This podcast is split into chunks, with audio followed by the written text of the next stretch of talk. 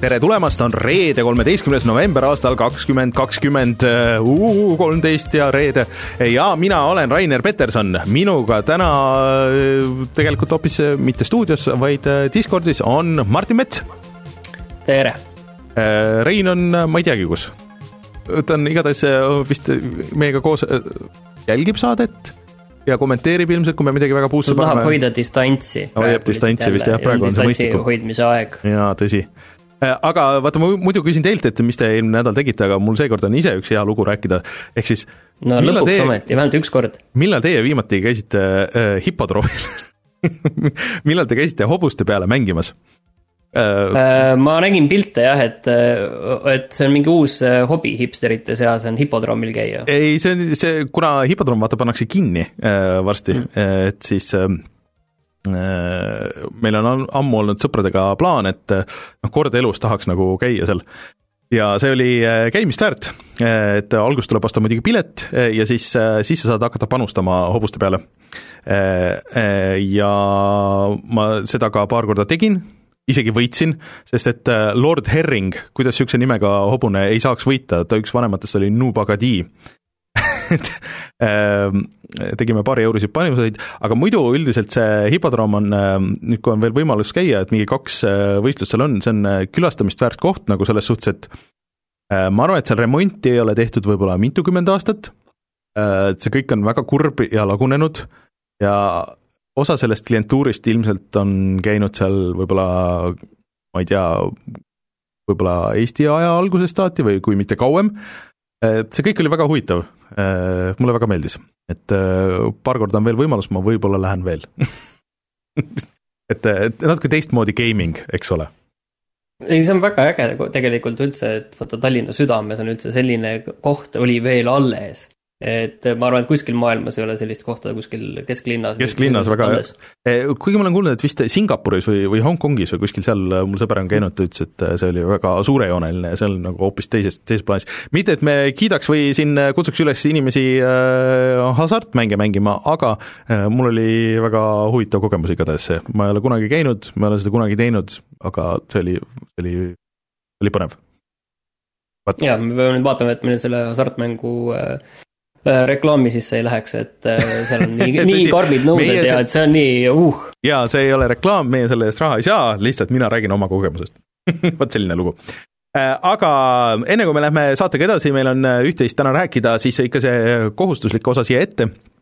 Ehk siis äh, meid leiab SoundCloudist, Spotify'st äh, ja kõikidest podcast'i rakendustest, meid saab toetada Patreonis, patreon.com, kaldkriips puhata ja mangida, äh, ja siis Patreonis tahaks eraldi tänada veel Henrikut, Feilissit, Jaaku ja GameCami ja kui te meid Patreonis toetate, siis te saate tulla meiega Discordi chat ima ja siis saate tulla või saate osa võtta siis mängu jagamisest, mida me nüüd paar kuud juba siin teeme, ehk siis ilge ports mänge on veel jagada ja ma vaatasin, et järgmise kuu mängud on ka juba väljas põhimõtteliselt, seal on näiteks Yakuusa Zero ja nii edasi, nii et et äh, tulge sinna ja siis tegelikult äh, meil üks äh, kuulaja saatis ka portsu VR-mänge ärajagamiseks, mida saab ka meie Discordist, nii et kellel on huvi, siis liituge, tulge rääkige ja saate tasuta mänge ka, nii et kõik võidavad, mulle tundub, selle, selle pealt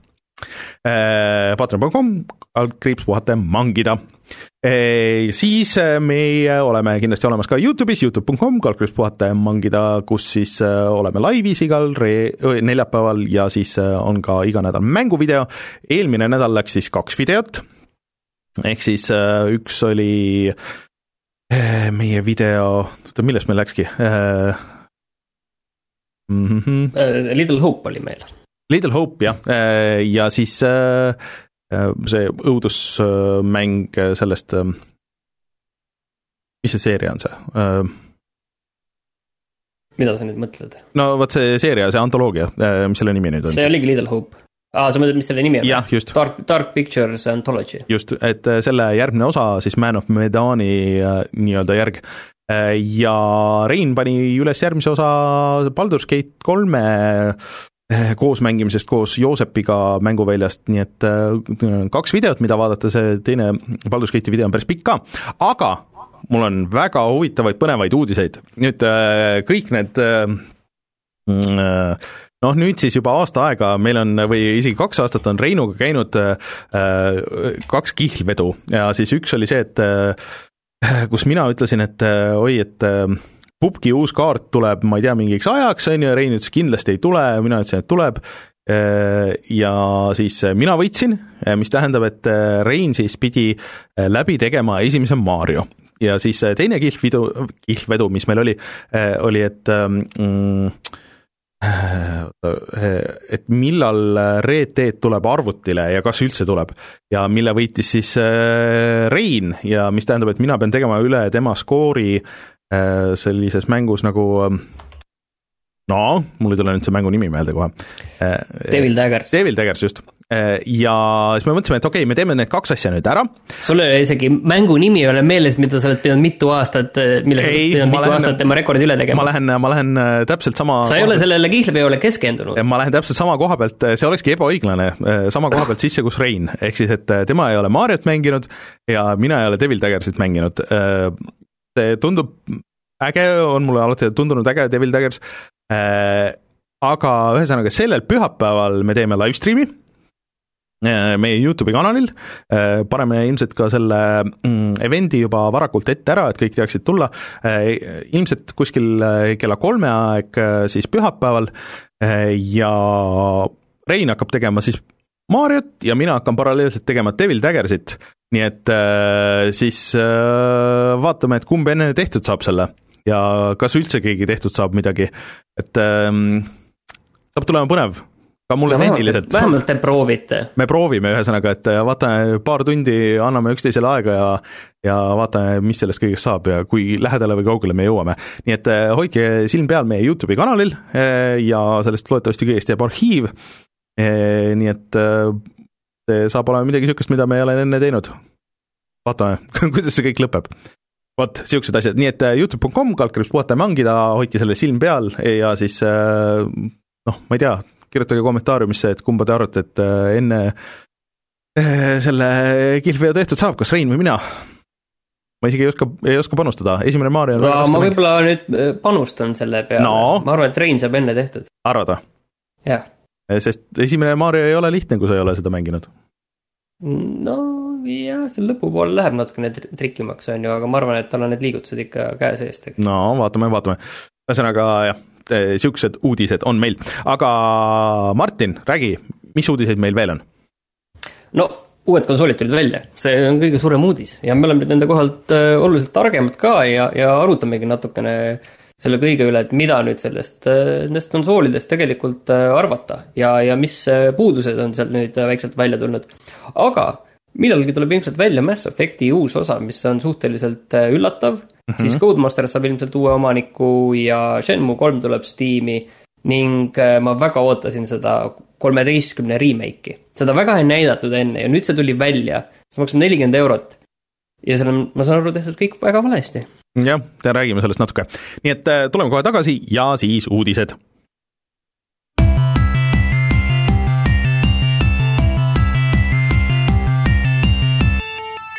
uudised no mis me siis äh, teame sellest uuest generatsioonist, äh, nii et nüüd, kui see enam-vähem kõik väljas on, noh, ametlikult vist on siis nagu teisipäeval tuli Xbox, eks ole, ja tegelikult mm -hmm. PlayStation no Euroopas tuleb, oli ta üheksateist mm -hmm. november, on ju mm. -hmm et, et ja, ja mujal maailmas ta oli vist kaksteist, ehk siis. Mhm. ja ei tasu, ei tasu ka muidu unustada, et ka Nintendo'l tuleb uus konsool nüüd see reede, ehk siis see Mario Game and Watch tuleb nüüd see reede.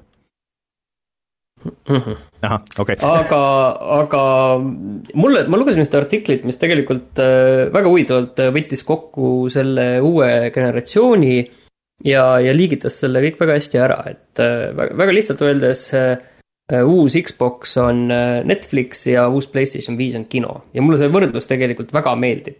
sest tegelikult see võrdlus vaata ei tee nagu kummalegi liiga, vaid toob mm -hmm. tegelikult välja mõlema plussid ja sisuliselt see ju nii ongi no, et äh, võits, kõik, kõik tegelikult, kõik tegelikult praegu ennustavad, et, et äh, Xbox ei, Playstation müüb paremini mm., aga Xbox müüb kehvemini aga mitte väga kehvasti ja Xbox müüb meeletult hästi enda Gamepassi teenust mm. -hmm. et nii palju, kui siin on tulnud äh, Microsofti äh, majandustulemusi viimase kolme kuu kohta, siis äh, noh, alati tegelikult ju sel hetkel, kui uued konsoolid on välja tulemas, siis eelmiste müük kukub, mis on täiesti eeldatav, aga see, see hulk raha, mis Xbox juba praegu teenib Gamepassiga see näitab seda, et ilmselt nad panevad sinna veel ja veel ja veel ja rohkem auru juurde mm. -hmm.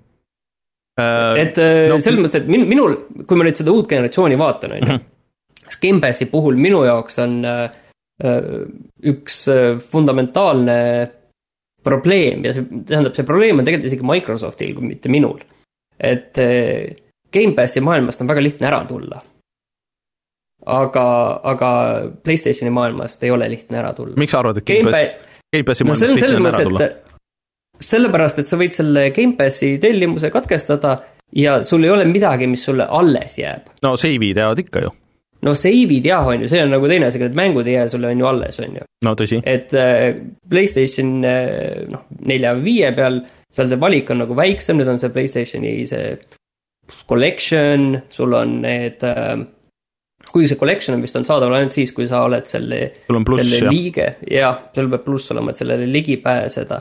aga need teised mängud, mis seal on, need jäävad sulle ja kui sa nagu elad selles Gamepassi maailmas, kui sa eladki, ei, ei, kui sa, mõtlen, kui sa eladki Gamepassi maailmas, plussi mängud jäävad sulle ju äh, ei, ju... ei jää, kui sul plussi ei ole, siis okay, sa ei saa neid mängida. tõsi, tõsi, tõsi, aga mu point oli pigem see, et noh, okei okay,, siis sa ostad Playstationi peale mänge, ostad selle Moralese ja, ja, ja ostad Demon Souls'i, on ju, ja need jäävad sulle alles. aga kui sa oled selles Gamepassi maailmas, siis kui sa selle Gamepassi ära katkestad, siis ei hoia tegelikult sind miski selle Xbox'i küljes kinni, sul ei ole seal neid asju alles jäänud, on ju mm.. et kui inimesed liiguvad selle mängude ostmise pealt ära selle tellimuse peale, siis see teeb selle asja, et Xbox'i pealt on kergem liikuda Playstationi peale kui vastupidi no võib-olla, aga mm, samas.... vot küsimus on muidugi see, kas inimesed tahavad ja. liikuda ära, see on muidugi teine asi, on ju.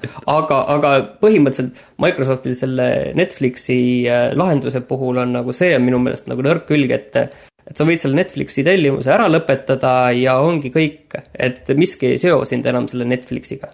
no aga see on jälle teistmoodi või noh, selles mõttes, et ähm, sul on ikkagi pidanud see aparaat olema, kus sa nagu mängid neid asju, eh, sa saad ju osta kõik need asjad ka ja kui sa oled näiteks DLC-d või midagi, sest et DLC tavaliselt ikkagi ei tule kaasa nende nende mängudega või kui see on mingisugune live-mäng, kuhu sa ostad mingisuguseid asju, noh, eh, sa saad tegelikult ka ju osta suhteliselt suure allahindlusega neid asju, aga no ma saan aru, et see on eh, võib-olla isegi nagu natuke nõrk argument, on ju, aga, aga aga Netflixi või noh, sellest Gamepassist ikkagi mängud lähevad ära äh,, mingi aja tagant äh, sul on ka mingi motivatsioon ikkagi nagu neid osta.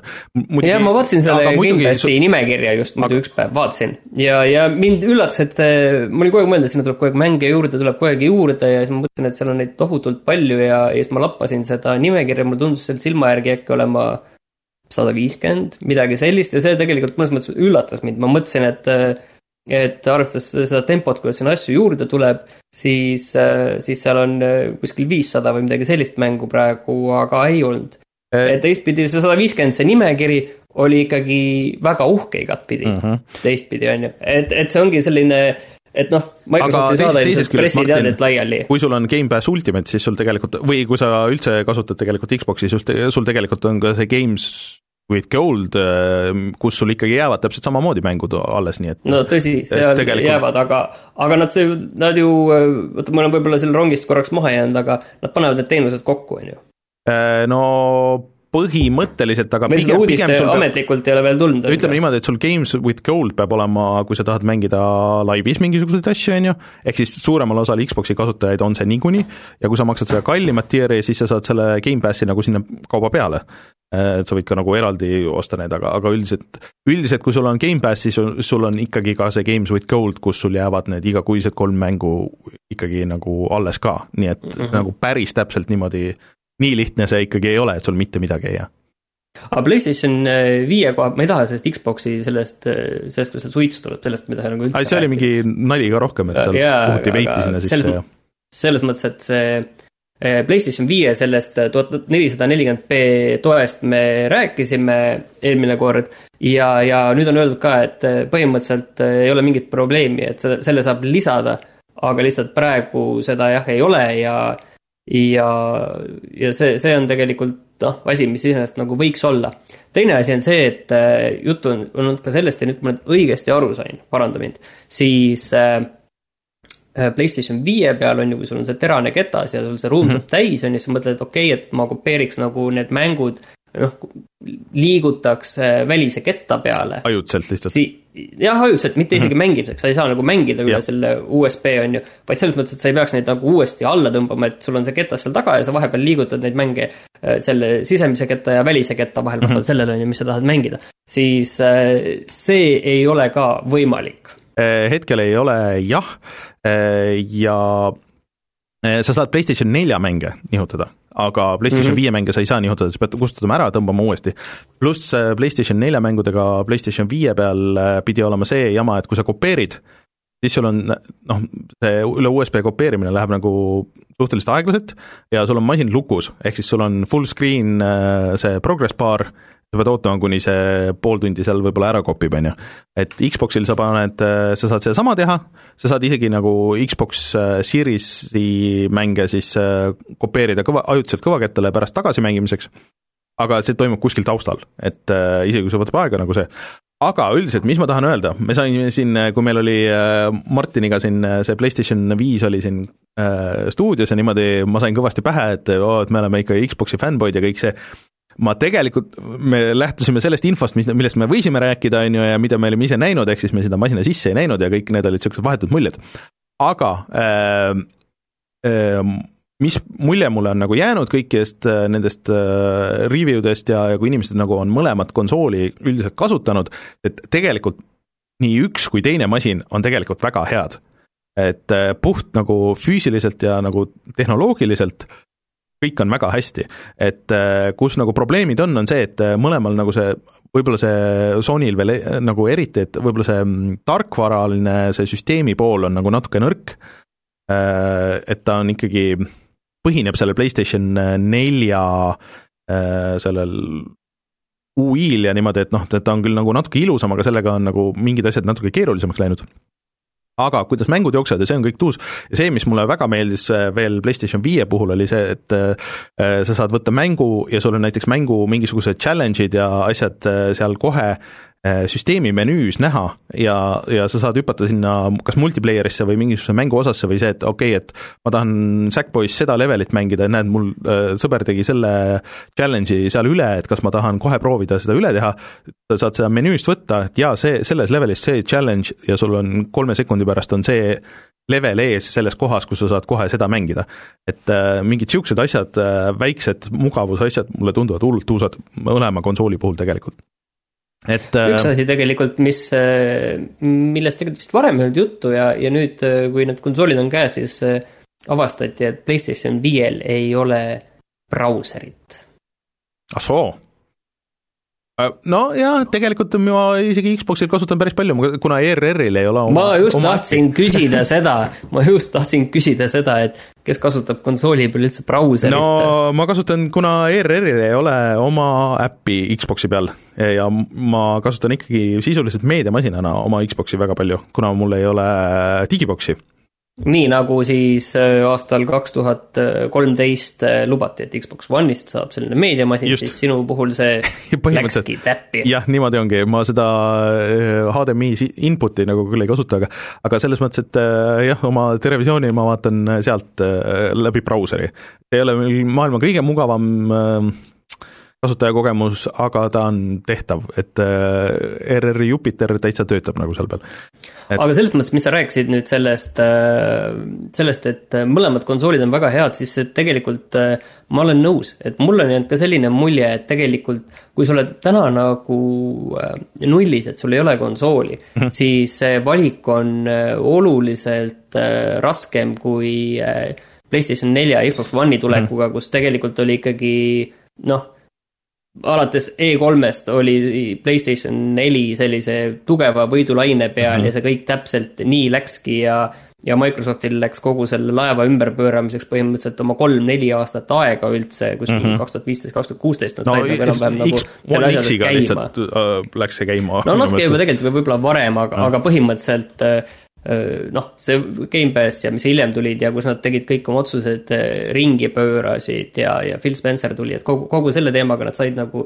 jalad nagu sisuliselt alla ja, ja põhimõtteliselt noh, alguses seal võidujooksus koperdasid ja, ja lõpuks jõudsid enam-vähem nagu noh, müüginumbrites mitte, aga noh, sisulise poole pealt nad jõudsid järele ja võib-olla mm -hmm. selle Gamepassi poole pealt nad jõudsid ettegi siis mm -hmm. nüüd tegelikult oleme ikkagi väga võrdses seisukoha, seisukorras, et tegelikult, äh, et kumba nagu valida, see on tegelikult väga keeruline. kui sul ei ole varasemalt, kui sul ei ole mm -hmm. seda taaka peal, et sul on äh, nagu minul on äh, sajad ja sajad mängud seal Playstationi library's, et see on nagu üks asi muidugi, millest, mis on muidugi, on tegelikult noh, on hind ikkagi, on ju, kui mm -hmm. sa selle peale tahad vaadata, siis äh, siis Eestis ilmselt need hinnad tulevad ikkagi, ikkagi noh, Xbox'i omad märksa kallimad. ei olnud ju väga märksa kallimad, no natukene kallimad, isegi väga mõistlik, et äh, siin väikse saladuskatte all, et äh, mis me kuulsime, oli see, et äh, lausa kolmekohaline number pidi tulema võib-olla neid äh, äh, Xbox'e mõlemat äh, versiooni siis tegelikult Eestisse millalgi siin isegi võib-olla novembris. et ja hind oli võib-olla kas kolmkümmend eurot rohkem kui see nii-öelda soovituslik letihind või midagi niisugust, et, et kolmkümmend, mina nägin numbrit sada, sada eurot rohkem nägin mina ma panin, ma, ma panin selle meile kuskile, ma ei, praegu ei näe seda. ja mina nägin numbrit sada mm,. okei okay., no vaata. et jah, et sa võid üle vaadata, aga selles mõttes äh, nii palju, kui ma kuulnud olen, siis kõik need, kes on endale Xbox'i tellinud Äh, need vahepeal vaata sellistes kohalikes poodides olid need konsoolid siin müügis. ja ma ei mm mõtle mitte kohaliku poe all Euronixit, vaid tegelikult mõtlesin kohalikke spetsiaalseid veebipoode, siis mm -hmm. minu teada nendest pole keegi kätte saanud, küll aga ma olen näinud neid, kes Amazonist õigel hetkel ära tellisid ja on kätte mm -hmm. saanud Xbox'i juba tean, isegi õigel päeval. osad said vist isegi otse Microsoftist kuidagi tellida ja, ja said ka kätte juba, nii et äh, ahah, et öeldakse, et Xbox tuleb ikka viis üheksa üheksa ja PlayStation viis on viis kolm üheksa, nii et. Äh, ja, ja Xbox Series S siis äh, kolm üheksa üheksa, mhm. mis äh, selle ilma plaadimängijata PlayStation viie ja siis Xbox Series S-i vähe, vahe teeb ikkagi üsna marginaalseks mm, -hmm. et seal see valik seal otsas on just keerulisem mm, -hmm. ma arvan, et seal kallimas otsas ei, ei ole nagu vahet selles mõttes, et see inimene, kes tahab seda Xbox Series X-i tema seda tahab ja, ja tema on nõus selle sada või noh, sada, kuuskümmend eurot äh, rohkem on, on ju maksma mm. -hmm. aga, aga see odavamas otsas, kus, äh, kus see vahe on tõesti niivõrd äh, väike, vot seal, seal on, ma arvan, et päris keeruline tegelikult otsustada. on jah, ja noh, praegu on veel ju tegelikult see ka, et noh, nagu natuke on hirm see, et kolme aasta pärast on meil siin äh, Pro versioonid või, või see järgmine level, kus sa pead äh, sellesama hinna uuesti välja käima. mina ei ole kindel, kas täna nagu keegi selle pärast otseselt äh, muretseb, sellepärast et kui vaadata kas või tegelikult Xbox One X-i ja Playstation neli Pro müüginumbreid, siis jah, meil on need kodus mm. -hmm. aga me oleme võib-olla ka natukene teine sihtgrupp ja Esi. ma arvan, et paljudel meie kuulajatel on võib-olla need kodus. aga sellisel keskmisel mängusõbral on ikkagi see tavalisem versioon ja need müüginumbrid on ju olnud ka niiviisi, et kaheksakümmend, kakskümmend suhtega mm. umbes on neid müüdud, et see kallim konsool kakskümmend protsenti ja, ja odavam kujul kaheksakümmend. et ma arvan, et sellepärast ei tasu nagu üldse praegu nagu liiga palju mõelda ja mm. peale selle need, kes äh, tahavad seda kallimat Pro konsooli, et äh, küll need siis ka selle ostavad ja meie oleme võib-olla jälle need, on ju, kes seda teevad ja, ja need tavalised inimesed, nad saavad neid samu mänge mängida, ei ole nagu erilist vahet, ma arvan, et nende jaoks see nii-öelda pro-generatsioon on suht suva. pluss on see, et, et tavamängurid, noh, nad saavad tegelikult PlayStation nelja ja Xbox One'i, One X-iga siis vähemalt päris tükk aega hakkama, enne kui nagu peab üle kolima. mul on niisugune tunne kuule, aga Rainer, milline sulle siis äh, koju tuleb kõige esimesena, sul täna veel ei ole kodus, minul ei ole ka kodus no,, mis su vastus on? no üldiselt on see, et äh, noh, äh, minu see suurem osa kogust on ikkagi Xbox One'i peal. et puhtalt selle pealt ja et ma kasutan ka neid teisi neid meediaasju, mida seal PlayStation viie peal ei ole, siis ja sa ei saa PlayStation viie pealt ERR-i vaadata, jah? see on päris, päris, see on mulle kahjuks nagu päris suur asi, pluss on see, et et äh, jah, et ma saan kõiki neid Gamepassi asju ja kõiki, mis mul on pooleli ja mida ma juba mängin, siis, äh, siis ma saan mängida. ja no ma olen sellest, ma olen väga palju rääkinud, kuigi mulle see viie pult äh, väga meeldis, ma tahaks väga proovida, et kuidas see nagu päriselt mängides on ja kuidas kõik need uued funktsioonid seal on, siis noh, mulle mugavuse mõttes ikkagi see Xbox'i pult on, on rohkem nagu minu jaoks. nii et jah Äh, minu puhul äh, sa küll ei küsinud, aga ma vastan ise, et äh, mul on ikkagi tunne, et see Playstation nelja see või see viie see, see digitaalne versioon, mul on mm -hmm. tunne, et kuna lihtsalt see tõesti nagu plaate ei ole liiga kaua kasutanud ja, ja mul on tunne, et ma saan ilma nendeta hakkama ka, mul on tunne, et mina, mul on pigem see odavam Playstation Äh, meil chatis on väga mõistlik küsimus tegelikult äh, Avolt, et äh, miks see Series X ja need Xbox'i asjad meil Eestis siis nagu nii kallid on või mis see põhjendus on, et kas lihtsalt kaupmeeste ahnus, et soovituslik letihind on ju sama, et mis, mis PlayStationil ja PlayStation on selle soovitusliku hinnaga, aga asi on see, et PlayStationil on Eestis esindus ja Xboxil või Microsoftil selles võtmes ei ole nii et äh, eh, jah, selles mõttes, et nii palju, kui ma olen aru saanud, siis äh, kaupmeeste ahnus on kindlasti nagu äh, argument, et sellest kindlasti mööda ei saa vaadata, sellepärast et mm. kõik, kes neid müüvad, nad ikkagi tahavad, on ju, raha teenida, aga samas nad peavad ikkagi noh, turgu nii palju, on ju, tabama, et nad ei saa ka mingi ulmelist summat küsida mm. -hmm. teistpidi jah, et seal on see, et neid Xbox'i, Xbox lihtsalt tuleb mitme vahendaja käest ja mm -hmm Playstationi puhul neid lülisid on vähem, et mm -hmm. nii mhm. lihtne nagu see ilmselt ongi. nii ongi jah kahjuks oleme niisuguses kohas, ma ei, aga no ma saan aru, et Microsoft üritab nüüd laiendada, et mida ma väga ei teadnud, on see, et PlayStation neli ju ei müünud liiga väga hästi Jaapanis, äh, arvestades kõike, et kui, kui hästi PlayStation kaks ja kolm müüsid, et ta vist isegi ei saanud kolme numbreid täis. Äh, et ähm, et Microsoft vist vaikselt plaanib nagu teha niisugust uut push'i Jaapanisse, mis on huvitav iseasi, kas see neil nagu läbi läheb või kui edukas see on, aga see on põnev, et nad proovivad. ja siin hästi palju kõlakaid on nüüd jälle, et äh, vaata, Sega müüs oma selle arkaadi osa maha ja siis äh, toimusid seal veel mingid äh, koondamised ja mingid stuudiod pandi kokku ja lahku ja mingisugune niisugune, et nagu justkui valmistuks mingisuguseks müügiks. Aga noh, ma ei tea, et neid kõlakaid on olnud nii kaua, et kes see kelle ära ostab, aga aga näis, igatahes see oleks väga huvitav jälle jah, kuule okei okay,, aga ma arvan, et me saame veel nendest konsoolidest siin rääkida. järgmistel kordadel rääkida Just. küll Nii. ja küll, et, et mina panin tähele seda, et Shenmue kolm tuleb nüüd äh, Steam'i lõpuks, et see oli, äh, kes mäletab, see oli Epiku poe eksklusiiv, aga mul on tunne, et äh, väga paljud inimesed tegelikult üldse enam ei mäleta. minu meelest Shenmue kolm üldse tuli ja läks, et see Kickstarter oli suurem uudis ja kogu, kogu see Kickstarteriga seonduv, kui see mäng ise, et ma saan aru, et inimesed mängisid, ütlesid, et nojah, et äh, et see on Shenmue, et kes seda tänapäeval tahab või ei taha nagu selles mõttes.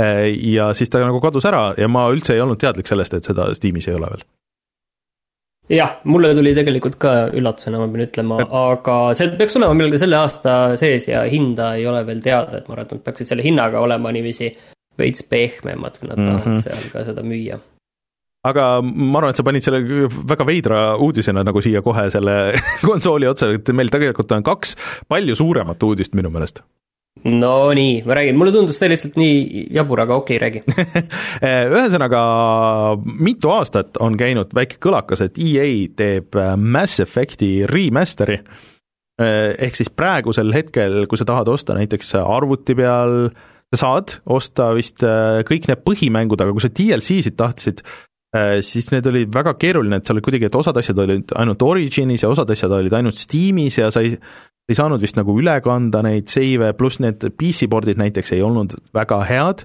no selles mõttes, et see Andromeda tegelikult ju vääris ka ilmselgelt eh, remaster'it kohe, mis kõigile tasuta anda ka. ei, Andromeda sinna alla ei käi, me räägime siin praegu Mass Effect üks kuni kolmest.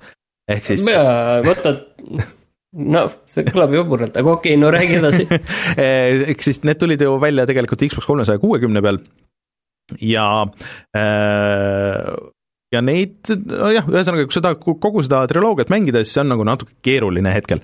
aga äh, järgmine aasta on siis nüüd ametlikult tulemas äh, remaster äh, Mass Effect üks kuni kolmele, selle nimi on äh, op, op, op, äh, no kas nüüd saab asjad Legendary, Legendary Edition, aga mis selle juures, juures on tead naljakas, et äh, et tead, mis platvormidele see tuleb või? see tuleb arvutile, väga nii. loogiline ja Xbox One'ile ja Playstation neljale. koos äh, edasiühilduvusega no. ja, ja mõned uudparandused Series X-il ja Playstation viiel no.. et sa saad nende uute konsoolide peal ka seda mängida, aga tegelikult see remake on tehtud vanade konsoolide jaoks no ma arvan, et see saab päris paljude praeguste mängudega olema niimoodi, aga ma arvan, et kui ta juba jookseb enam-vähem normaalselt, kui ta laeb kiirelt, mis oli väga suur probleem Mass Effect ühega, mis mul jäi äh, kui ma mängisin seda originaalis Xbox One'i peal, või Xbox kolmesaja kuuekümne peal, see jäi mul, see jäi mul pooleli, sest et ma ei suutnud iga kord, kui sa said äh, surma või sa pidid käima seal põhiselles Citadelis, äh, siis lihtsalt need laadimisajad olid nagu nii jõhkrad, et ma just ei viitsinud aga siis tuli äh, Xbox kolmesaja kuuekümnele see uuendus, et sa said installida mängu äh, ketta peale, mis parandas neid äh, laadimisaegu päris kõvasti. ja siis ma mängisin läbi, et kui see nüüd veel kaugemale viia siis, siis ma arvan, et see võiks veel parem olla, aga seal oli Mass Effect kahes ka, et kui sa käisid oma selles laevas korruste vahel, siis olid laadimisajad ja siis see võttis nii kaua aega, et ma väga ootan seda, aga ma ei tea nagu, ma olen ühe-kahe ma olen läbi teinud, kolme ma mängisin kuskile poole peale. kas ma olen valmis sadat tundi panema sellesse?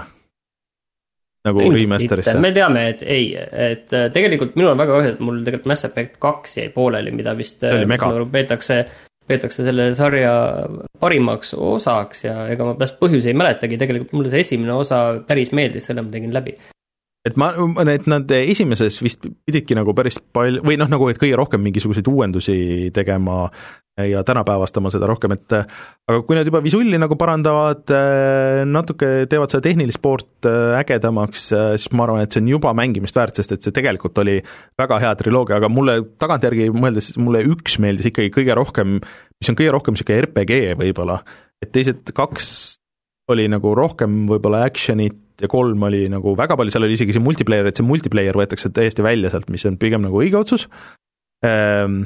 aga, aga ootan huviga, kuidas see tuleb, muidugi vaata remake idest rääkides, siis tegelikult äh, EA-l ju nüüd tuli ka see Hot Pursuit'i, Need for Speed Hot Pursuit'i äh, remake või remaster välja, mis äh, inimesed on väga pettunud, et nad ei teinud sellega väga midagi, umbes nagu see Burnout Paradise'i remaster, et, et noh, ta küll jookseb uutel konsoolidel ja kõik, ja kuuskümmend kaadrit sekundis ja aga tal vist arvuti peal on isegi see cap, kuuekümne kaadri cap nagu, mis on veider tänapäeval, ehm, ja et arvuti peal see originaalversioon jookseb enam-vähem sama hästi ja näeb sama ilus välja. et äh, see on nagu natuke kurb, aga nad vähemalt panid selle multiplayer'i tööle ja see multiplayer töötab äh, cross-platvorm väga hästi, et aga, aga ka niisugune nagu natuke kaotatud võimalus, aga ma loodan, et Mass Effecti nad panustavad rohkem. aga see ei olnud viimane ega ainuke Mass Effecti uudis, siis ühesõnaga, et äh, EA on tegemas ka järgmist äh, Mass Effecti, mis on natuke üllatus pärast seda läbikukkumist, mis Mass Effect Andromeda oli et äh, selle kohta me tegelikult täpsemalt midagi ei tea, üks äh, mingi pilt avaldati, mille kohta isegi pole vist teada, kas see täpselt on selle, selle uue mänguga seotud või on see lihtsalt mingi tore concept art mm, -hmm. mis on äh, kuskilt üle jäänud. et BioWare andis teada siis, et seda mm, teeb selline veteranide tiim, andes mõista, et et äh, seda tehakse teistmoodi kui Andromedat äh, minu silmis, lihtsalt see, see noh, pärast seda Andromedat on nagu väga raske on ju tõsise näoga tagasi tulla selle sarja juurde, on ju ka ilmselt BioWare'il endal, et see noh, ootused on äh, niivõrd suured mm. -hmm. Muideks rääkides Andromedast, siis see on nüüd Gamepassis olemas konsooli peal, et nüüd ju liideti Äh, teisipäevast alates siis kogu see EA Access äh, siis Gamepassiga. noh, nagu huvitav oleks proovida, vaata nad patch isid seda päris palju, aga see vist ei päästa nagu seda mängu kahjuks. ei, seal on nagu, ma saan aru, et ikkagi fundamentaalsed probleemid ikkagi rohkem, isegi mm -hmm. need äh, näod ja nii edasi, et see on nagu ikkagi selline pealispind. just, vot. nii, aga sa ilmselt tahtsid rääkida nüüd Codemastersist Äh, see oli huvitav, et kui Sulev käis siin, äh, siis äh, ta rääkis ja natuke kirus seda, et ah kurat, et Codemasters ostis selle Slightly Mad Studios ära, kes Project Cars'i tegi ja, ja tänu sellele ilmselt siis Project Cars kolm oli nagu natuke halvem, nad lükkasid selle nagu uksest välja kiirelt ja, ja, ja Codemasters no, ostis tegelikult enne ära ka selle Evolution stuudio, mis tegi neid äh, ta tegi selle mängu, vaata, mis sulle tegelikult meeldis, kus oli see autodega Battle Royale, mis ka tuli just. suht kadus. ma ei mäleta, mis selle nimi nüüd oli. ei tule ka kohe meelde jah, aga mulle see väga meeldis muidu. Väga me-, väga meeldis, aga no ei tule nimi see... meelde, see ei olnud, oota uh.... aga ühesõnaga Codemasters, Codemasters ostis äh, selle ka ära, on ju, aga nüüd paistab, et äh, Codemasters on ise see, keda ostetakse, sest Äh, väidetavalt järgmise aasta alguses siis Take-Two Interactive, kes on siis äh, eelkõige tuntud kui GTA levitaja ja, ja selle litsentsi omanik, äh, ostab nad ära mm. -hmm. ja nüüd on küsimus lihtsalt, et mis see tegelikult tähendab, on ju, et no., et eelkõige, et Codemastersil on kõik need uhke valik automänge koos Dirt viiega, mis mm -hmm. oli välja hiljuti, et see on ja nad maksavad Codemastersi eest peaaegu miljard dollarit, mis on nagu palju, aga samas samas vähem kui Pipedrive'i väärtus on. jah hea võrdlus, aga, aga Codemasters jah, viimasel ajal pigem ainult automängusid, aga neil on vist vaat see F1 litsents, mis on päris suur asi mingis skeenes ikkagi tänapäeval võib-olla või? ja neil vist on need ralli litsentsid ka, et need, et need litsentsid ise vist ma kahtlustan, et on äh, päris väärtuslik. jah, jah, kindlasti, aga, aga ilmselt äh, teistpidi see ikkagi näitab ka natukene ikkagi minu meelest seda, et, et need automängud ikkagi ei ole päris see, mis nad kunagi olid mm. -hmm. mul on tunne, et, et. aga mis on huvitav muidugi. asjad oleks, kui Codemasteris oleks asjad nagu väga hästi mm, -hmm. siis, siis nad ei, noh, nad, nad ei peaks ennast ära müüma, on ju. Mhm. et seal noh, võib-olla seal keegi tahab kuskil välja minna ja nii edasi, aga põhimõtteliselt mul on ikkagi tunne, et see automängude kui selliste noh, kuldajast on juba tükk aega läbi tegelikult mm.. võib-olla isegi kümme aastat, võib-olla isegi, võib-olla isegi rohkem. et neid tuleb, neid ostetakse, aga mul on tunne, et vaata see osa, mida nad kõigist mängudest eh, ja, ja mänguärist mm -hmm. moodustavad, on ikkagi aasta-aastalt eh, vähenenud. et ma ei, ma ei oskagi öelda, miks. jah, et, et need on ju. ma praegu ütlen neid eh, lihtsalt tunde pealt seda, et mul ei ole mingeid numbreid siin kõrvale mm -hmm. panna, aga aga mulle nagu tundub kõike seda vaadates see, see väga loogiline, tegelikult neid suuri automänge jääb ju aina tegelikult kuidagi nagu on jah noh, tegelikult vahepeal oli veel eriti kriis, tegelikult täna on isegi olukord isegi parem mm, -hmm. aga, aga siin ütleme viis aastat tagasi oli olukord tõesti niiviisi, et automänge pidi aasta peale Forsa tuli ja, ja, ja mm, -hmm. ja väga palju rohkem nagu selliseid regulaarseid asju ei olnudki, sest Need for Speed ka, aga need on ka sellised noh, nii ja naa asjad olid.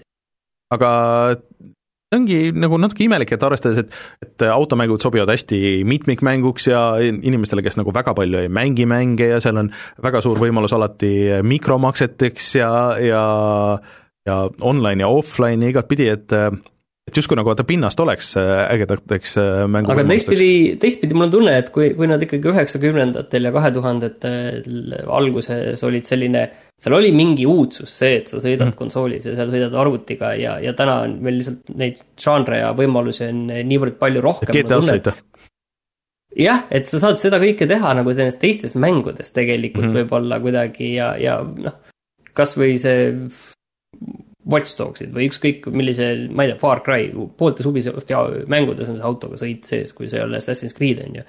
et äh, mul on tunne, et, et see lihtsalt on nagu see eraldi autoga sõitmine mm -hmm. on läinud selliseks äh, nišiks ja selliste fännide ikkagi nagu sulev äh, mängumaaks väga palju tead, mis ma arvan, et on üks asi, mis selle on ära rikkunud natuke? vähemalt no. arkaadimängude võtmes see on see autotootjate litsentsid, ehk siis, et äh, vaata, siis, siis ei saa autod minna nagu nii puruks ja nad ei saa olla võib-olla nagu nii kiired ja see auto ei saa sellest autost nagu nii kiirem olla. ehk siis mina loodan seda, et kuna Take-Two ostis äh, Codemastersi ära, siis see annab neile võimaluse no ostab, see ei ole veel no, läbi läinud no tehing. suure tõenäosusega pigem yeah. Ilmselt ostab, on ju. et äh, annab võimaluse Codemastersil teha uus äh, see Midnight Club, mis oli Rockstari seeria kus olid minu meelest fake autod, aga olid bränditud need autode lisad äh,. ja Midnight ma ei ole kindel, mida see nüüd aastal kaks tuhat kakskümmend üks, mida see, mida see päästab, ma saan aru, et sul on selle mänguga mingid sellised mälestused, Ei no, aga tegelikult, see- see et mida lihtsalt- see see oli niisugune Crazy arkaadi jaa, automäng. kindlasti, aga, aga aga noh, sa näed ise, et kui palju on inimestel huvi ka selle Crazy arkaadi vastu praegu, et on selline nojah, aga keegi ei ole inimesi- suure budget'iga niisugust asja teinud keegi ei taha riskida, No sellepärast vot, et ei ole noh. turgu, vot mm.. okei okay,, aga üks asi, millega, millega riskiti ilmselgelt oli see just äsja välja tulnud äh, kolmeteistkümne remake, et kolmteist on remake, mida keegi ei küsinud tegelikult. ei, ei, ei, minule tundus see küll hea idee.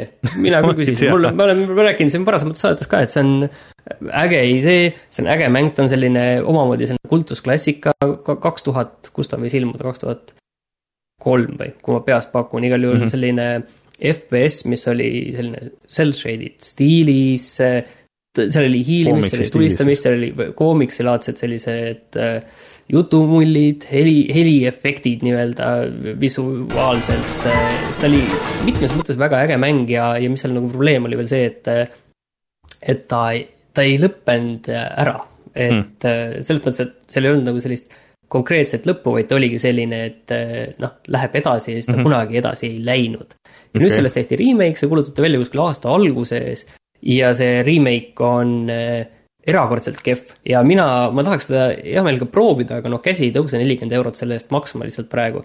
et äh, see on kohutavalt pagine on see asi esiteks, et äh, ei no see kõige suurem asi, oota, alustades, jaa, kohe jõuame, kohe jõuame kõige suurema asjani. ma teen vastupidi Okei. ma lihtsalt räägin seda, et kui see isegi kõrvale jätta, siis äh, midagi on seal nende vastaste ai-ga nagu täiesti mööda pandud. rääkimata sellest, et nende need hitbox'id on põhimõtteliselt pool seina sisuliselt, sa näed, et sa lased mööda, aga sa lased ikkagi pihta, on ju. Mhm. et need asjad on ikkagi täiesti katki seal no aga kõige ja suurem, ebarealistlikud. kõige suurem asi ikkagi on see, et nad on põhimõtteliselt selle koomiksi ja cel-shaded stiili on nagu ära võtnud sealt, mis on äh, väga veider, sest et see oli selle mängu nagu põhiasi ja kõik need vaheklipid, mis olid äh, väga niisuguses koomiksi stiilis nagu tehtud ja kõik, need on kõik ära võetud, ehk siis selle mängu nii-öelda hing on ära kadunud kõigi selle asja juures. et siin toodi väga häid võrdlusi, et, et, et see cel-shaded stiil on asendatud sellise äh, Fortnite'i skin'iga sisuliselt. niisugune multikalik nagu natuke. jaa, ta on multikalik ja selline pehmem ja, ja, ja teistpidi ka värvilisem ja ta lihtsalt nagu nendele, kes teavad seda esimest osa, seda esimest osa saab muide Steamist osta, see oli vist kolm eurot praegu. Ma soovitaks pigem seda teha, et äh, noh, ta lihtsalt on täiesti midagi muud ja see stiil mm -hmm. ei ole midagi erilist, see stiil näeb välja nagu enam-vähem nagu suvaline mobiilimäng, mis on ka kõik sellised äh, ühe visuaalse väljanägemisega kõik, on ju. Et see on ikkagi, minu jaoks on see täielik pettumus ja, ja ilmselgelt ma arvan, et see raha jääb kulutamata, et selle eest on midagi ilusamat osta. ma arvan ka, et eh, parem koomiksilik eh, mäng, mis just eh, remake tähendab, mis siis välja tuli, olid need No More Heroes'e mängud Switch'i peal, ma arvan, et need on, need on palju ägedamad selles. vot, kuule, aga meil on vist uudistega kõik või? jah, häid uudiseid ja halbu uudiseid natuke. Aga tuleme siis kohe tagasi ja siis räägime, mis me oleme mänginud.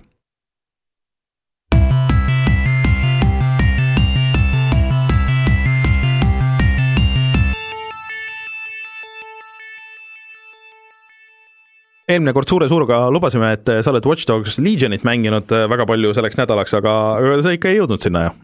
ma ei jõudnud kahjuks jah, sinna veel. see Äh. tundus liiga suur tükk praegu selle kahjuks selle kiire töönädala sisse, ma proovin järgmiseks korraks. Et eh, seekord meil siis jah, ka video ei tule sellest, meil video tuleb hoopis eh, suurepärasest eh, sakslaste autosimulaatori või eh, auto, see on siis kiirteepolitsei simulaatori ühesõnaga, aga mul ei Te teate küll, mida me silmas peame, kes on eelmist saadet kuulanud. just, ma räägin täna natuke võib-olla veel sellest, aga ma tegelikult mängisin ühte asja veel, mille ma unustasin kirja panna, aga see nädal tuli siis Hyrule Warriors Age of Calamity demo, mis on siis ähm, Hyrule Warriors üks on juba ilmunud tegelikult äh, Wii U ja 3DS-i peale, vist tegelikult tuli Switchi peale ka, mis on siis äh, mm, nagu niisugune avatud maailma võitlusmäng Zelda äh, maailmas, eks ole äh,. panen siia meile äh, vaatajatele, panen Eh, panen eh, videopildi ka, eh, see on Switchi eksklusiiv, aga et ühesõnaga Age of Calamity on siis nüüd otsene äh, eellugu äh, Breath of the Wildile, ehk siis toimub sada aastat enne, see on see, mille ümber siis Breath of the Wild tiirleb, see äh, suur battle, pärast mida siis äh, Link ja Zelda sajaks aastaks äh, unne vajusid ja, ja nii edasi. aga see mängitavus on nagu iseenesest huvitav, et et kogu see, et see on, arendaja on sama, kes on teinud neid Dynasty Warriors ja, ja ma ei mäleta, mis need muud seeriad, mis on mingi mitukümmend aastat kestnud, äh, juba PlayStation kahest alates või midagi niisugust. Ja nende point on see, et sul on hästi palju vastaseid nagu korraga, Musou on selle žanri, žanri teema, ja et, et sul on sadu vastaseid korraga ja sina saad nendest kõigist äh, hästi kiiresti jagu ja niimoodi. Ja ma mõtlesin, et okei okay,, et äh, mulle üldiselt see treiler tundus äge, aga ma juba tean, et mulle põhimõtteliselt see mäng võib-olla nagu väga ei sütita, aga et ma proovin. ja see demo on üllatavalt pikk, mängisin seda isegi mingisugune kaks tundi või natuke peale ja see ei saanud läbi, seal on missioone veel, aga muljed olid pigem nagu positiivsed. ehk siis äh, alustad mängimist linkina, et äh, täpselt samamoodi nagu Breath of the Wildis, on ju. Äh, sul on erinevad, nagu Breath of the Wildis, erinevad relvad, relvadel on mingid power'id ja relvad lähevad puruks mingi hetk ja nii edasi, aga vahe on selles, et kui sul äh, Breath of the Wildis oli kolm-neli vastast korraga ja sa pidid ikka nagu vaeva nägema, et neid maha võtta, kui sa oled viimasel ajal mänginud seda, äh, siis nüüd sul ongi nagu päriselt ka nagu mitusada vastast.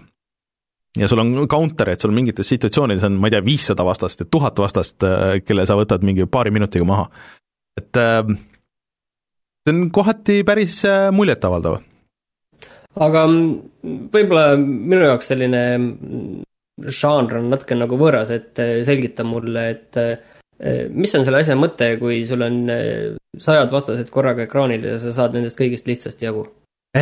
No, et see lihtsus on vist nagu seal pigem nagu alguses, et sul on bossi võitlused ja, ja siis sul on erinevaid tegelased lõpuks, kellena saad mängida, et sa saad siis kontrollida Zeldat ja siis seal oli äh, see veel üks tegelane, kelle nimi mul hetkel ei meenu ja siis ma saan aru, et seal lõpuks saad hästi paljude vastaste vahel valida, kes kõik on nagu selle suure Battlefieldi, et see ei ole päris niimoodi avatud maailmamäng, nagu Breath of the Wild oli, aga sul on äh, noh, kui sul on mingi missioon, siis see pigem jaguneb niisugusteks noh, nagu väiksemaks kaardiks või niimoodi, aga et, et põhi, põhikaart on sama, mis äh, Breath of the Wildis oli.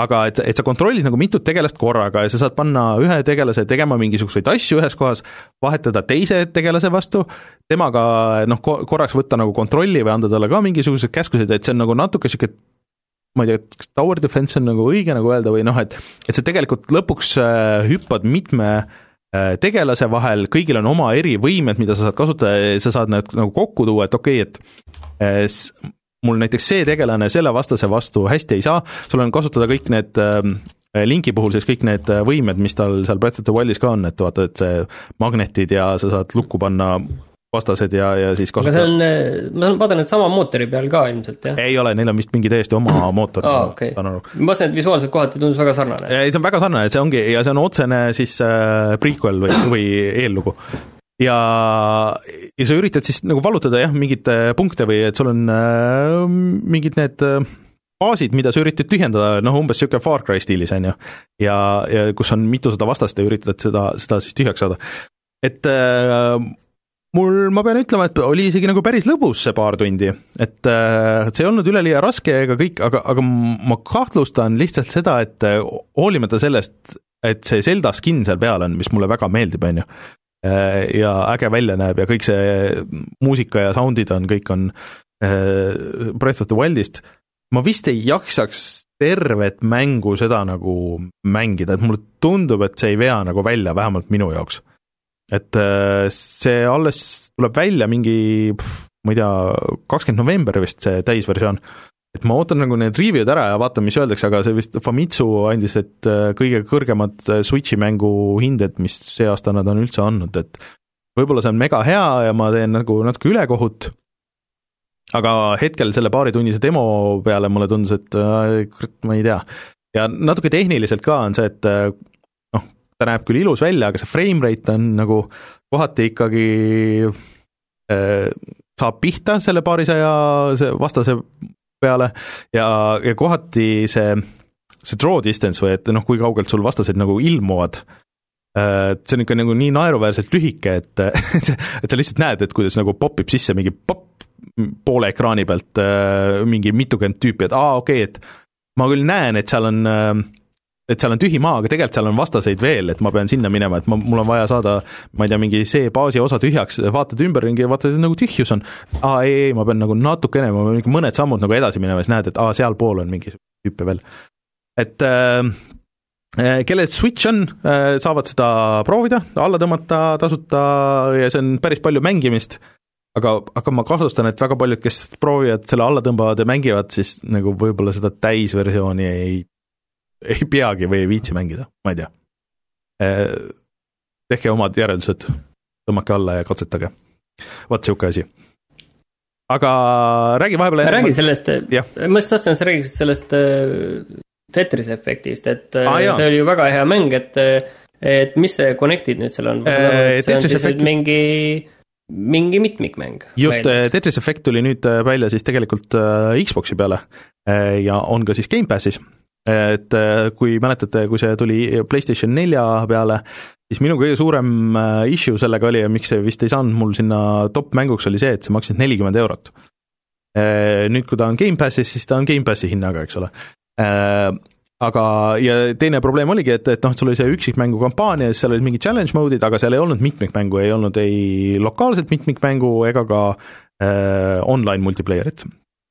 Aga äh, Tetris Effect Connected nüüd siis lisab äh, mitmikmängu äh, nii siis lokaalse kui ka online'i üks küsimus kohe, et kui mul on nüüd see Tetris efekt on ju olemas, siis kas ma pean midagi juurde maksma või ei pea? Äh, kui see on sul teistel platvormidel olemas, siis sa pead juurde maksma millalgi järgmine aasta äh, või aasta pärast või? ehk siis see Connected äh, minu arusaamist järgi on hetkel eksklusiiv Xboxil ja vist arvutil ka siis selles Microsofti poes ah,. Okay. et, et see nendesse teiste, kuigi see on Steamis ka olemas ja vist ka äh, Epicus, siis minu teada sinna tuleb äh, see millalgi hiljem, äh, see mitmikmängu osa. aga ma arvuti koha pealt ma ei ole nüüd nii sada protsenti kindel, et aga, aga ma tean, et igatahes äh, PlayStationile tuleb see millalgi hiljem ehm,. Aga siis mm,, et noh, kõige tavalisem, et neid mängulaade on mitu, ma jätan selle kõige huvitavama, jätan viimaseks, üks sürr-osa on siis äh, võimalus mängida Tetrist nii, nagu seda teevad äh, kõik äh, professionaalsed Tetrise mängijad.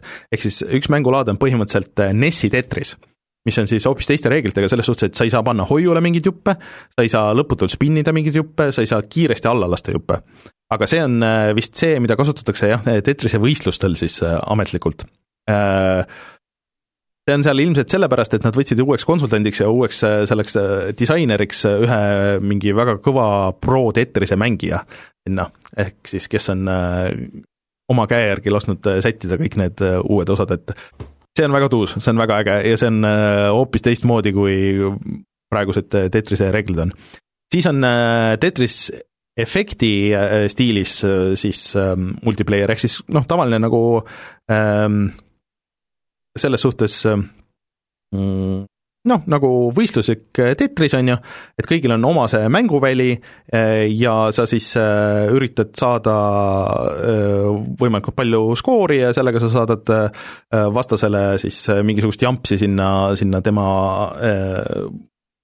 mänguväljale ja siis noh, võidab see, kes viimasena ellu jääb. aga Tetris Effect siis lisab selle efekt, selle mm, viguri nagu sinna, Äh, et sul ming-, sul on eraldi mõõdik, kui see mõõdik saab täis, mida sa siis täidad sellega, et kui sa teed ridu ära ja eh, siis sa lähed aegluupi eh, ja kõik read, mis sa saad, mitte ei kao ekraanilt ära, aga lähevad nagu sinu, mm, liiguvad selle sinu mänguvälja nagu põhja. hästi keeruline seletada. aga ühesõnaga, sa võid, et mida rohkem sa kõik nagu sealt neid ridu saad selle aegluubis osa ajal, seda parem ja kui see aegluubis osa saab läbi, siis kõik see, mis sa oled ridadena saanud, kõik see saadetakse puh, nagu vastase mänguväljale ja tal põhimõtteliselt ei olegi võimalik nagu nendest lahti saada. ehk siis, et sa noh, et kes e-, esimesena tegelikult sellesse slow-mo mode'i saab, no see on suure tõenäosusega nagu võitja. Äh, et see lisab nagu niisugust päris huvitavat pinget. aga kõige tuusem osa on äh, siis nagu go-op võistlus kolme mängija, äh, kolme mängijaga ai bossi äh, vastu. ehk siis, et äh, sul on kolm rida Tetrist kõrvuti, kolm tavalist mängijat ja siis seal on jagatud eri peatükkideks ja siis sa kolmekesti üritad jagu saada bossist. aga bossist sa saad jagu nii, kes kogu aeg saadab sulle mingisugust jampsi, mingisuguseid e-, efekte, et küll sa vahepeal pead aegluubis äh, lihtsalt neid nuppe liigutama või et sa ei saa kiiresti alla lasta või või ta laseb mingi laseri sulle sinna mänguvälja peale ja tekitab sulle mingi tühja auke mingitesse kohtadesse ja noh, kogu aeg mingit jampsi saadab nagu sinu poole, on ju. aga kui üks mängijatest saab oma mõõdiku täis, siis kõik need kolm mänguvälja ühenduvad ja enne kui ühenduvad, sul on nagu äh, mingi kas kümme või viisteist sekki aega äh, hästi palju klotse nagu sinna, sinna mänguväljale lasta endale, siis need ühenduvad, kõik need tühjad kohad seal klotsidel äh, kaovad nagu ära, need jupid kukuvad sinna alla ja siis sa üritad saada kolmekesti kordamööda, pannes juppe eh, selle kolme mänguvälja laiuseid, eh, neid eh, Tetrise noh, siis ridasid nagu kokku.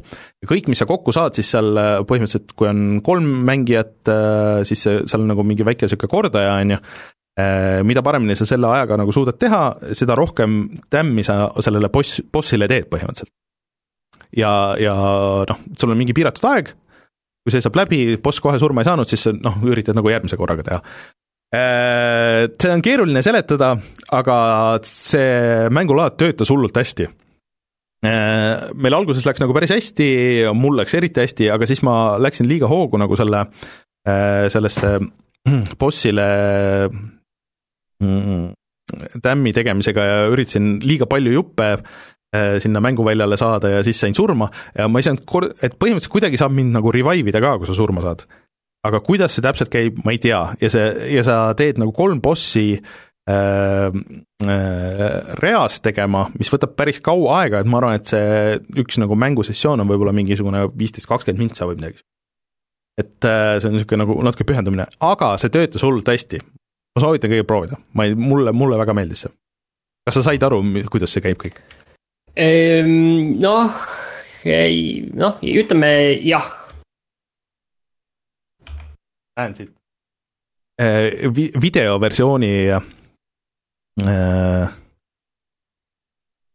videoversiooni äh, vaatajatele, kas ma leian, kuidas, kuidas see välja näeb, see kõik aga see on see, mis oli täpselt puudu tegelikult sellest Tetris efektist, et mulle väga meeldis see originaal juba ka, aga, aga see on see, mis äh, teeb sellest noh, noh, kui see oleks nelikümmend eurot, ma arvan, et see oleks väärt seda neljakümmet eurot ka mm. -hmm ma räägin siis äh, ühest asjast, mida ma olen siin natukene vaikselt nokitsenud ja väga sarnane sellele e-, eelmise nädala mängule Little Hope ehk mm -hmm. ma olen mänginud seda Tell me why, mis on siis Don't Know'i äh, Äh, värske mänguseeria, mis koosneb kolmest osast. Äh, Tutnod on siis eelkõige tuntud selle Life is Strange'i mm. episoodiliste seikluste poolest.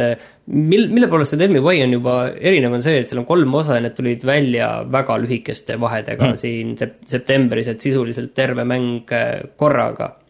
ja noh, oma olemuselt on see samasugune asi, nagu need kõik sarnased on, et äh, sul on tegelased, sa saad natuke ringi liikuda nendega, sa saad teha valikuid, valikud on, on ju olulised, eh, siis sa vaatad tükk aega videot, kuidas inimesed räägivad ja sa teed seal ka veel valikuid ja siis kokkuvõttes sul peaksid tulema välja natuke sellised erinevad tulemused, et selles mõttes üsna selline standard sellistes mängudes.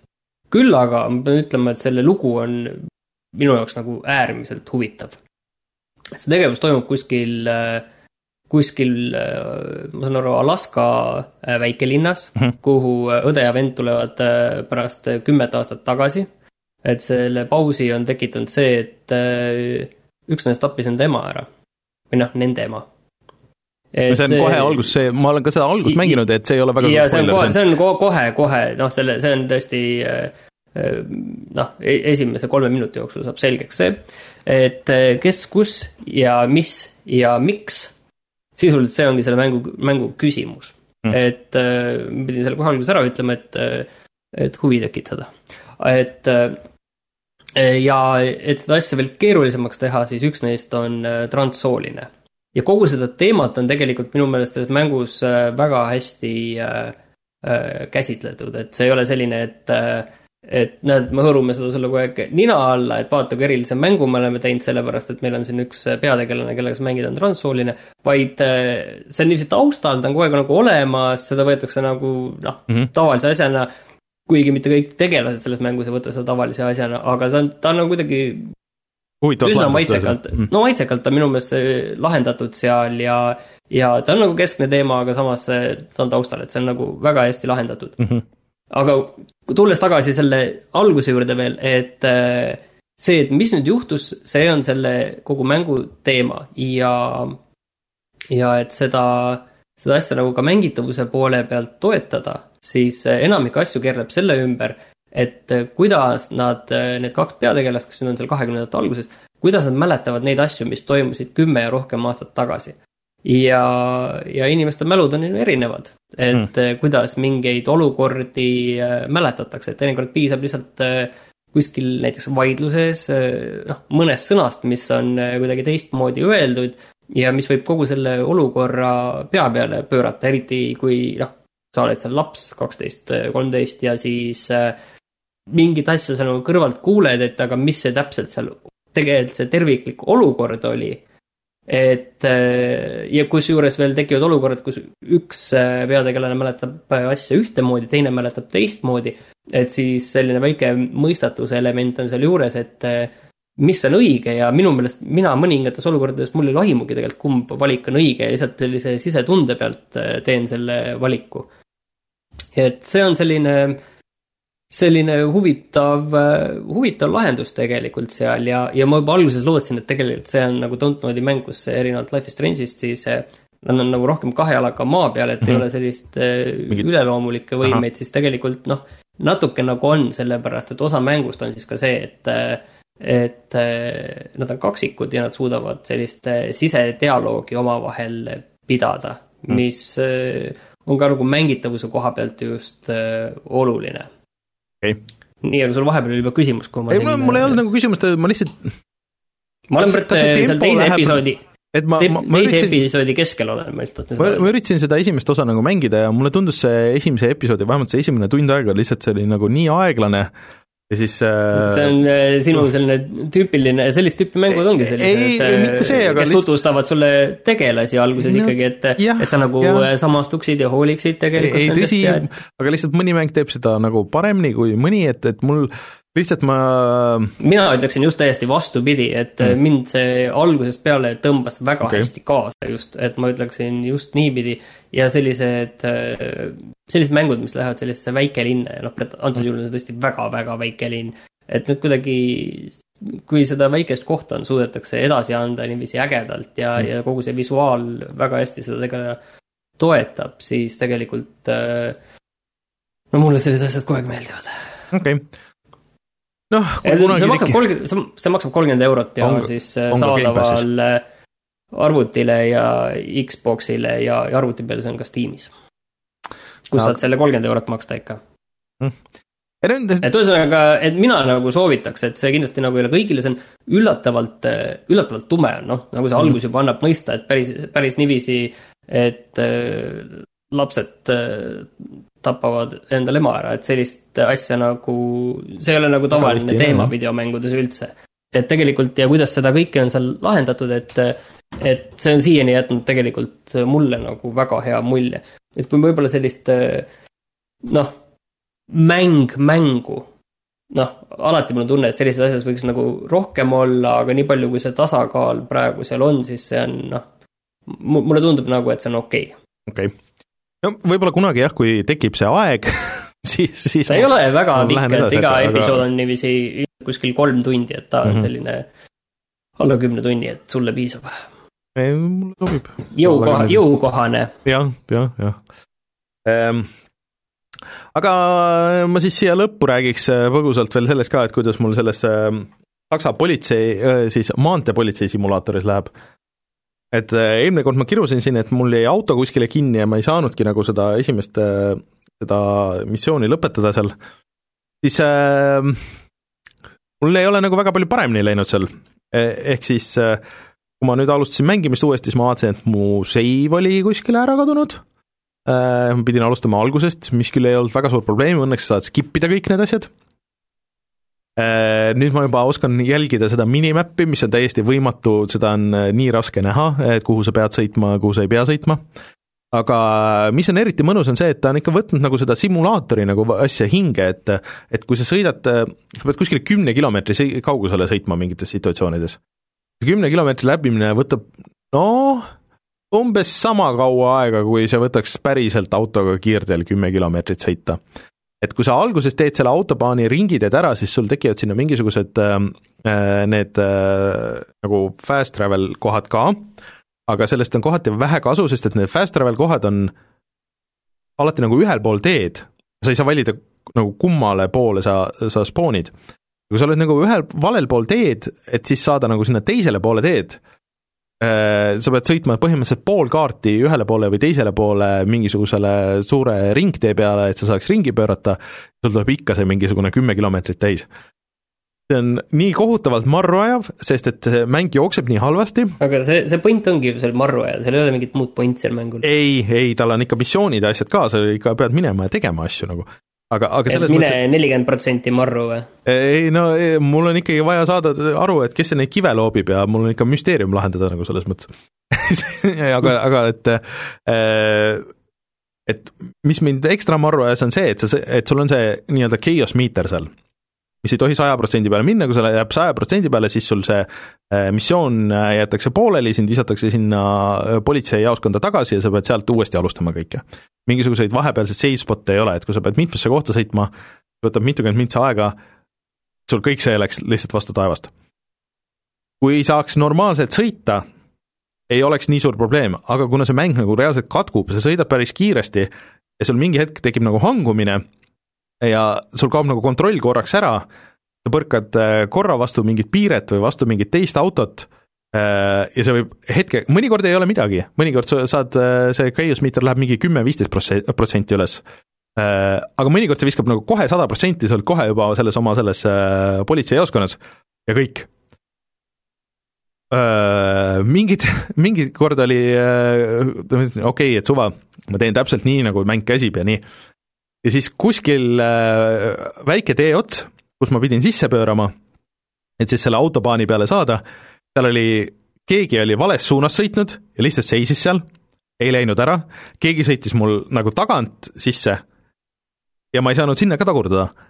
ehk siis ta blokkis nagu mõle-, ja kui ma tagurdan, vaata ma tagurdan sisse ja siis see chaos meter nagu tõuseb kogu aeg ja siis äh,, siis ma nõkerdasin seal mingisugune viisteist minutit niimoodi, et okei okay,, ma vaikselt ootasin, et see, see chaos meter õnneks vajub hästi kiiresti ka ära, natukene trükid sinna kuskile vahele, selle seina ja auto vahele, okei okay,, ma pressin, pressin, pressin, pressin. Ja siis äh, lõpuks said sealt vahele, aga siis mulle tundus, et igas selles väikses äh, väiksel teel nagu, mis sinna, sinna autobaanile viib, peaaegu igal teel on nagu niisugune ja mõnikord seal oli viis-kuus autot, kus sa ei saa mööda sa ei saa välja ka tagurdada. eks ainuke variant on võib-olla fast travel ida kuskile mingisse täiesti juhuslikku kohta, kui sul on avatud fast travel. kui ei ole, siis sul ainuke variant on, ma ei tea, lihtsalt sõita vastu nagu ja alustada missiooni uuesti. mul on nüüd nagu küsimus, kellele see kõik nagu mõeldud? ma ei tea, see ongi minu jaoks kõige huvitavam, see, seda on teinud see on, see on ilmunud PlayStation nelja peal ka vist juba, nagu mingisugune aasta alguses on teinud kümned inimesed, seda ei ole teinud mingi kolm inimest. Nad on näinud vaeva, et see, see tuua Xbox'i peale, aga nad ei ole näinud nagu nii palju vaeva, et äh, näiteks sealt eksportides siis äh, mängu nimi õigesti panna, et kui sa võtad äh, noh, muidu Xbox'i see home screen on ju, kus need kõik mängud on, noh, seal on iga mängu nimi ja niimoodi, aga siis sellel mängul on väikeste tähtedega kirjutatud äh, äh, Highway Police kaks see on võib-olla mingis regioonis on selle, see nimi, et võib-olla see on mingi saksakeelne nimi või noh, saksa ja Euroopa nimi ja võib-olla kuskil mujal on mingi ongi. regiooni teema, äkki müüakse mingi teise nimega. no ongi, aga, aga see kõik on, seal on mingisugune müstiline asi, et chat naerab mu üle, et, et sina pakud mulle kümnetunnist head mängu, et ma võib-olla ükspäev, kui on aega ja siis jätkan seda, kuidas ma mingi prügikutsuga kobramängu mängin, aga seal on mingisugune twist, mis mulle öö, tundub väga huvitav, ma tahan aru saada sellest mängust, et mida nad nagu on üritanud seal teha või nagu mis see, mis see eesmärk oli, et, et see maksab kolmkümmend eurot, see on väga palju niisuguse mängu eest. Tell me why saaksid selle eest, jah? ma selle eest saaksin Tell me, ma saaks väga palju mänge selle raha eest nagu nii väikseid kui suuri, et, et miks nad arvasid, et see kõik okei okay on või nagu kust see kõik tuli, ma ei tea äh,, tean, et Sten võib-olla, võib-olla plaanib teha intervjuu selle stuudioga et siit nagu aru saada, et et äh, mis case nagu sellega on. ühesõnaga, kui kõik, kõik hästi läheb, siis me teeme video sellest ja te näete oma silmaga, kui halb see mäng on, aga ma tõesti, ma tahaks saada aru, et mida nad üritasid seal teha, et seal on mingi upgrade'id, äh, et seal missioonides ikkagi on ka mingisugused asjad, las ma pakun, see on tegelikult selline Potjomkini küla, et tegelikult eh, nad ei ole arvestanud, et keegi kunagi nii kaugele mängiks, et seal mingeid upgrade'e või asju saaks ja seal on tegelikult seal, seal taga ei, ei ole no, midagi. Nende upgrade'idega oli, seal oli päris Neid ei ole olemas tegelikult, neid ei ole olemas. seal on laadimise ajal on tooltip, et kui sa plaanid seda mängu lõpuni mängida, siis sa pead äh, mingil hetkel sealt upgrade idest äh, minema, minema valima mingeid upgrade'e, et muidu sa ei saa seda mängu lõpetada ühesõnaga see kõik kõlab väga hästi. Äh, ärge ostke seda mängu, vaadake videot ja, ja siis naerge meiega koos või ma ei tea. väga, väga veider on see kõik. vot, niisugune on minu kogemus Tore. Autobahn äh, Police Simulaatori kahega kõikidest maailma mängudest. aga tuleme kohe tagasi ja siis äh, vaatame, mis on internetis odav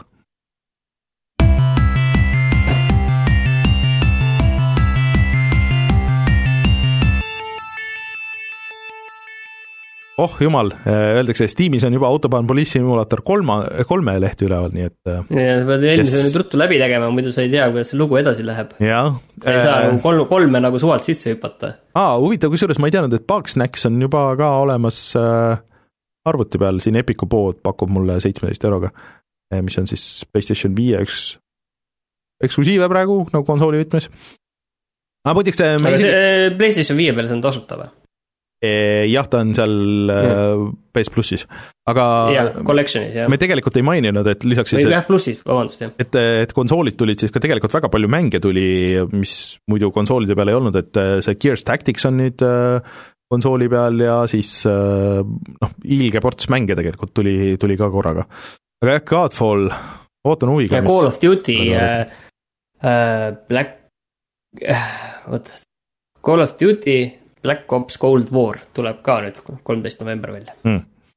aga Epiku poes siis äh, vaatame, mis on tasuta, on äh, mäng nimega äh, Dextorsist, mis on sihuke no,, ma saan aru, et siukse pus, puslemängu ja, ja action ja siis, ja siis mingi RPG sihuke kooslus natuke okei okay,, Steamis ma leidsin, et uh, A Way Out, see koostöömäng Brothers uh, Tale of Two Sonsi mm -hmm. tegijatelt uh, mis vist väga hästi läinud lendu, aga samas seda ikka kiideti ka päris kõvasti, see maksab praegu seitse euri.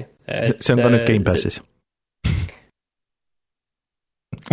okei, no okei, ma pean seda, ma pean, vaata, ma pean, ma pean hakkama seda Reinu okeid, okei, no okei, noh kõik me ei ela veel Gamepassi maailmas mm.. Äh, mulle tundub, et äh, praegu on natukeseks ajaks vist nende suurte allahindlustega kõik ka, et äh, kõik ootavad nüüd, millal see jõulumöll peale, või Thanksgiving vist on kõigepealt ja siis, siis tuleb jõulu, oota, millal see Black Friday on, see on ka mingi paari nädala pärast vist? see on novembri viimane reede peaks olema vist mm -hmm., kakskümmend seitse või midagi sellist. et äh, hoidke oma raha võib-olla selleks ajaks ja vaadake, äkki on tasuta midagi. see tundub päris huvitav, see The Exorcist, aga noh, tõmmake, proovige järgi. Äh, aga siis äh, ärge siis unustage, et äh, sellel nädalavahetusel me üritame Reinuga sotid selgeks teha ja, ja striimida. ei ole välistatud, et kõik haledalt läbi kukub ja, ja puhttehniliselt ei saa seda tehtud, aga loodetavasti mitte. Nii et hoidke Youtube'i kanalil silm peal, Youtube.com, kaldkriips puhata ja mangida. Ja siis pühapäevase pärastlõuna kulutame nendele mängudele võistlemiseks Äh, loodetavasti. ja siis äh, Reinul on tulemas veel äh, Baldur's Gate'i ja, ja siis see suurepärane autobahn, et üritame selle ka ikkagi mingisuguseks videoks valada. ja võib-olla siis järgmine nädal on Martin meiega ja siis räägib rohkem Assassin's või mitte, kusjuures Assassin's Creed tuli välja jah, ajasin sassi ja seda ka ju kiidetakse tegelikult et äh, pigem nagu kiidetakse jah, eelkõige just atmosfääri poole pealt, et seal aru, pagide et... üle on nagu, nagu kurdetud ja osad ei kurda mitte millegi üle ja, ja öeldakse, et mõnusalt selline tumedam feel. Äh, ma saan aru, et just see gameplay pool, et, et iga missioon on pigem nagu niisugune väike pusle, et ei ole niisugune tavaline Assassin's Creed, et mine sinna, räägi juttu ja siis võib-olla jälita kedagi ja siis tapa mingi külatäis inimesi ära ja siis äh, ja korda tuhat korda.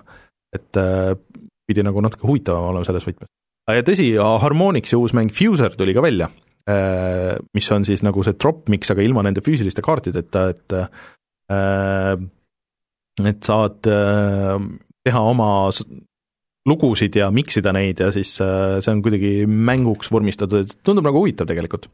et jah, vot, niisugused asjad meil, on meil veel siia lõppu midagi öelda?